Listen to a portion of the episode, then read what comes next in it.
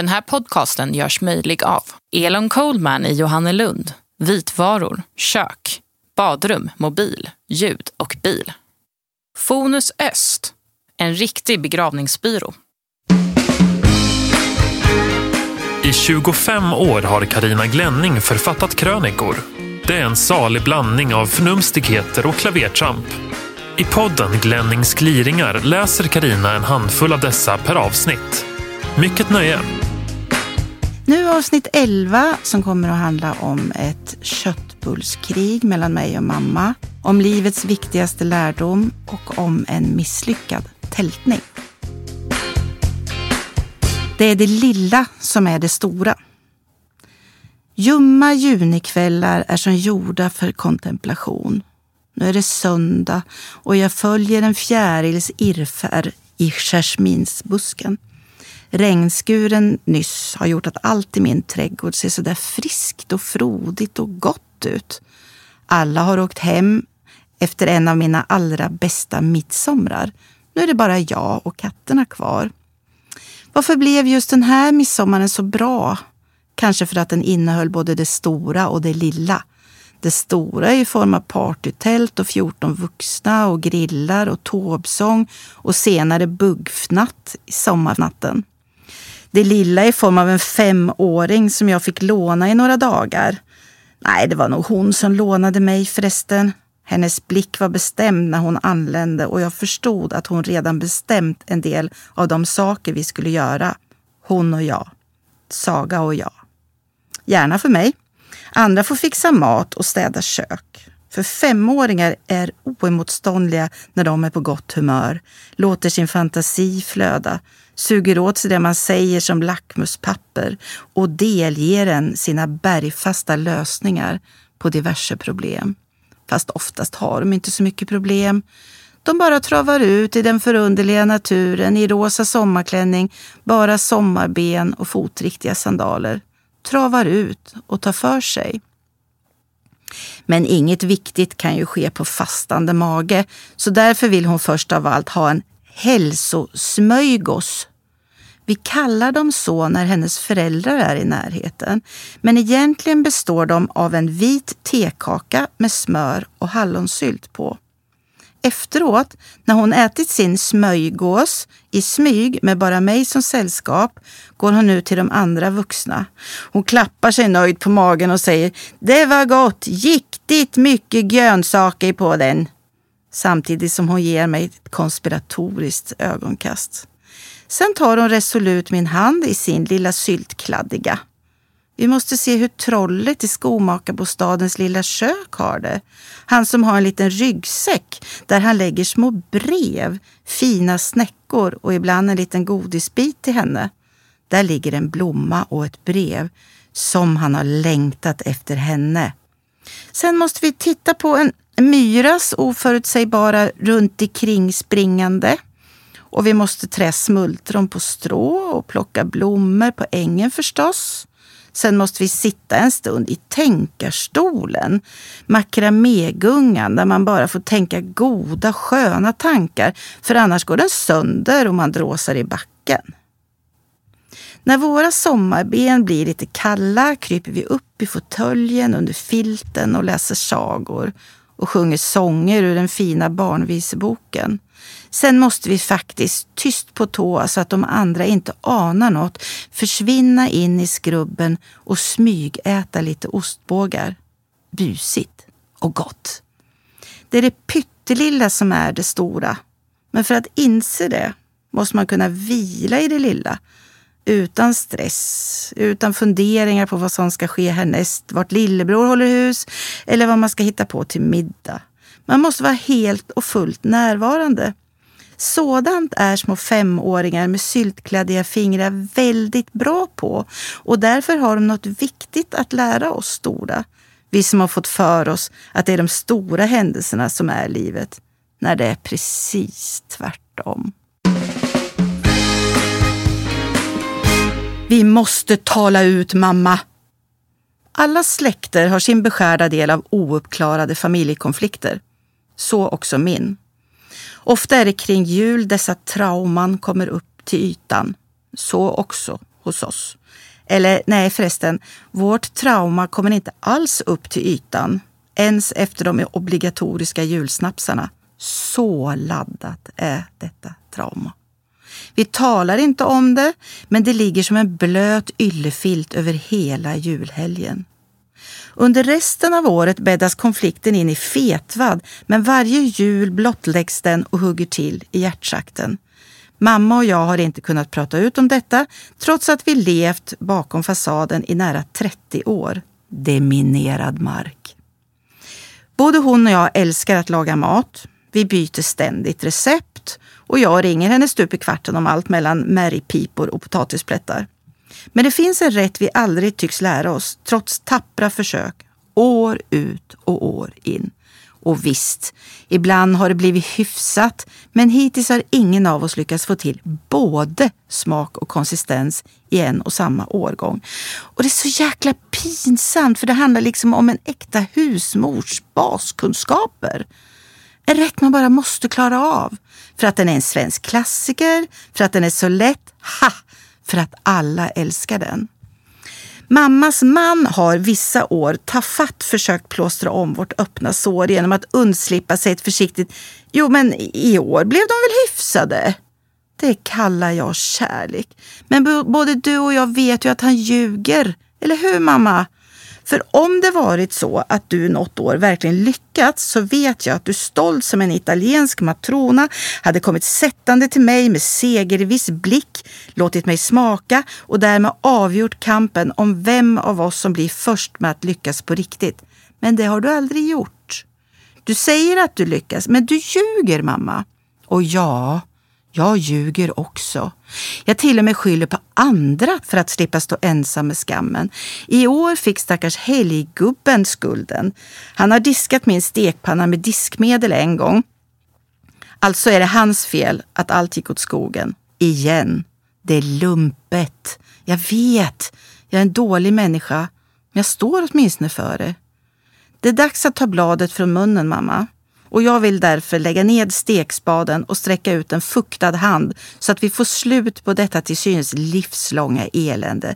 Vi måste lägga det bakom oss och gå vidare. Skräcken är att jag i framtiden sitter vid din dödsbädd med ont i själen över att vi aldrig vågar vara ärliga. Att vi båda två ska ta våra livslögner med oss i graven. Alltså, kära mamma. Du och jag är duktiga på väldigt mycket inom matlagning, men vi kan inte göra köttbullar. Någon av oss. Ska vi säga så? Till mina och alla andras barn. Hej älsklingar! Lyssna noga, för nu ska jag säga något viktigt. Livet består av en lång räcka toppar och dalar. Därför att så ska det vara. Vissa ting i era liv kan ni själva påverka. Men ni kan aldrig garantera er mot dalarna eftersom vi alla påverkas av vad som händer, inte bara oss själva, utan även nära och kära. Kanske finns det också en djupare mening med dalarna. För hur vet man om man är på toppen om man aldrig varit nere i dalen? På toppen är det härligt. Livet är enkelt och allting ler. I dalen är det tungt. Ibland så tungt att man undrar om man någonsin ska mäkta med och kravla sig upp igen. Men det är i dalen du lär dig viktiga saker om livet och dig själv. Och det är där du skaffar dig ovärderliga verktyg för att ditt, i ditt nästa besök i dalen ska bli, inte lätt kanske, men förhoppningsvis aningen mindre tungt. Vilka är då verktygen för att kravla sig upp dalen undrar ni, älskade barn. Ja, mina verktyg är några få, mycket kära, riktiga vänner. Mina egna dyrköpta erfarenheter och perspektiv. Vad är en riktig vän, undrar du? Ja, det finns nog lika många definitioner som det finns människor. Någon som gillar dig trots alla dina fel och brister. Någon som i själ och hjärta vill dig ditt bästa. Någon som stöttar dig i motgång, men också hurrar i medgång. Någon du vågar blotta dig inför och som vågar göra detsamma gentemot dig. Men också en människa som är så ärlig och för vilken du är så viktig att vännen även vågar förmedla smärtsamma saker. Vågar kritisera dig, kanske om hur du beter dig eller om något du har sagt. Vore du inte mycket viktig för din vän skulle vännen inte heller tycka det var lönt att riskera er vänskap med sin uppriktighet. Men erfarenheterna då, det är ju något som man måste få chans att samla på sig. Det kan man ju inte ha från början. Nej, men för varje gång du hamnar i dalen så ska du minnas att du förra gången faktiskt lyckades kravla dig upp igen. Det minnet läker inte dina nuvarande sår, men gör din klättring aningen lättare. Perspektiv då?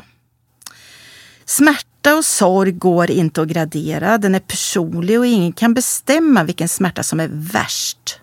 Men din egen upplevelse av ett problem kan lindras om du lyckas bibehålla ditt perspektiv och jämföra ditt problem med andra.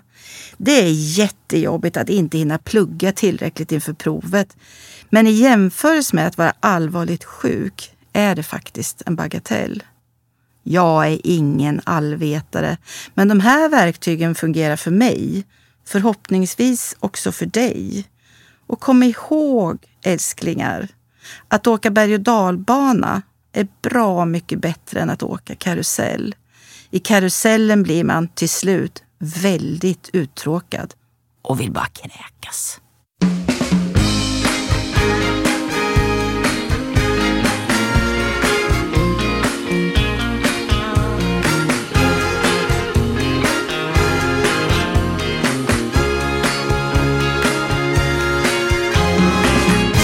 Med munnen full av tältduk. Vad var roligast i somras? Liseberg, bestämde 15-åringen. Men det var inte höjdskräcken Balder, Hangai eller Hotell Gasten hon tänkte på. Det var vår tvånätters camping i ett halvt tält. Jag och barnen kom fram sent till campingplatsen intill Liseberg, full av skränande, coola ungdomar. Över oss låg tunga regnmål, så nu var det bråttom med tältet. Jag och 12-åringen satte upp tältet medan 15-åringen pumpade upp dubbelluftmadrassen utanför. Allt för att det skulle gå så snabbt som möjligt. Det gjorde det nu inte. Det var lögn i helsike att få jättemadrassen på plats i tältet. Den var för stor, Pressa på bara, stod jag utanför och gapade till 15-åring. Lägg dig på madrassen och tryck till bara. Men, men det knakar i sömmar mamma, sa hon oroligt. Skitsamma, pressa på bara. Det här gamla tältet har varit med om mycket mer än det här ska du tro. Så hon pressade på för vad allt tygen höll, vilket tyget inte alls gjorde. Ritsch! Plötsligt sprack tältet uppe vid det hål som skulle ha upp den bakerska tältpinnen och det sprack rejält. Det centimeterlilla hålet var nu stort som en mansskalle. En snabb genomsökning i bilen gav vid handen att de enda reservdelarna som erbjöds var några hårsnoddar. Så vi snörpte ihop tältduk och tillverkade ett nytt hål. Fast mest skrattade vi hysteriskt. Vi fick såna skrattfnattskonvulsioner att lillebror vägrade hjälpa till utan stängde in sig i bilen med skammens rånad på sina kinder. Folk kan ju tro att ni är fulla eller något! Och värre skulle det bli, för nu uppenbarade sig nästa problem. Med så mycket tältduk ihopsnört av hårsnoddar fick inte den bakre tältpinnen plats på höjden längre.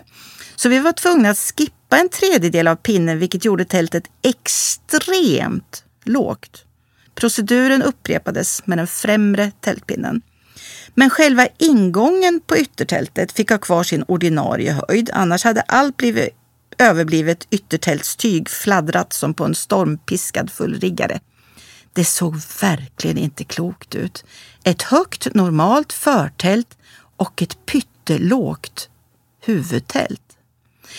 Medan tältingenjörerna höll sig om sina krampande skrattmagar och frustade sig tårögda krävde tolvåringen att jag backade bilen så att den skulle skymma det mesta av vårt märkliga sovboning för resten av campinggästerna.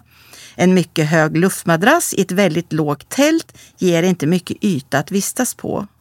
Några få centimeters luftrum skilde näsorna när vi låg på madrassen från tältduken.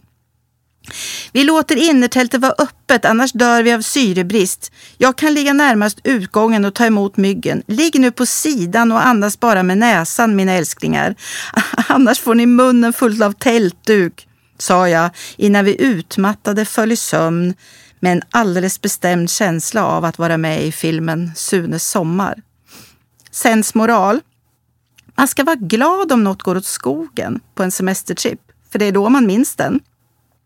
När alla vanliga småtrevliga semestrar fallit i glömska finns toksemestern för evigt kvar som ett glatt minne.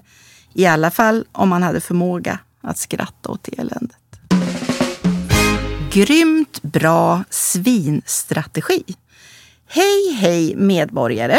Det är jag som är landets nya hälso och sjukvårdsminister och nu ska jag berätta hur vi ska hantera den rådande svininfluensan. Från regeringens liksom sjukvårdens sida känner vi stor oro inför höstens pandemi. Stora arbetsplatser hotar att lamslås, viktiga samhällsfunktioner sätts ur spel, krönikan går i graven. Ja, ni förstår. Detta får inte ske. Hör ni det? Detta är ett scenario vi inte kan acceptera. Vi befinner oss i en lågkonjunktur och har inte råd med att benen slås undan för våra största och viktigaste, mest inkomstbringande arbetsplatser bara för att snoriga dagis och skolbarn ränner omkring vind för våg och låter smittan accelerera. Därför har jag, naturligtvis i största samförstånd med resten av regeringen, beslutat följande. All personal inom skola och barnomsorg vaccineras omgående. De många lärare som blivit uppsagda på grund av sjunkande elevantal återanställs och vaccineras de med. När vaccineringen är genomförd säger Sveriges samtliga barn hej då till sina föräldrar, tar sin packade resväska och favoritgosedjur och flyttar in på sitt dagis eller sin skola. Detta blir alltså, under den tre månaders period influensan beräknas härja i ett område, samtliga barns tillfälliga hem. Här undervisas man, här äter man och här sover man. De sjuka barnen får umgås med andra sjuka barn och har därigenom mindre tråkigt än om de skulle ha varit hemma. Personalen kommer givetvis att få det tufft, men betänk att lärarna är utvilade efter sitt långa sommarlov, att det bara handlar om en 12 veckors period och att många arbetslösa kollegor på detta sätt får en viktig samhällsuppgift. Skol och barnomsorgspersonal får också en extra bonus som tack för sin viktiga insats. De får ta med sig sina egna barn till det dagis, den skola där de arbetar. Barnen kommer att bli överlyckliga. Detta blir som ett gigantiskt läger och med hundratals sovsexbarn i gympasalar och skolbespisningar övas hänsynstagande och konfliktlösning så det står härliga till. Dessutom finns här inga passiviserande tv och dataspel. Barnen får lära sig hederliga lekar som levande charader och fia med knuff. För landets föräldrar ser vi ett gyllene tillfälle att ladda batterierna efter semesterns alla alltför intensiva umgänge med Glina.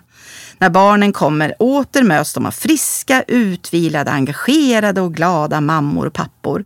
För de föräldrar vars längtan till barnen blir alltför stor kommer det att ordnas visningar en gång i veckan. Föräldrar och barn ges då möjlighet att se varandra genom ett fönster i skolan, vinka och pussas. På rutan, nota bene. För samhället är strategin en ren win-win situation. Sveriges arbetsföra befolkning kan jobba på som vanligt och därtill använda pengarna till roligare saker än att hälla sprit över händerna för miljontals kronor. Så där ja, gott folk. Då drar vi igång!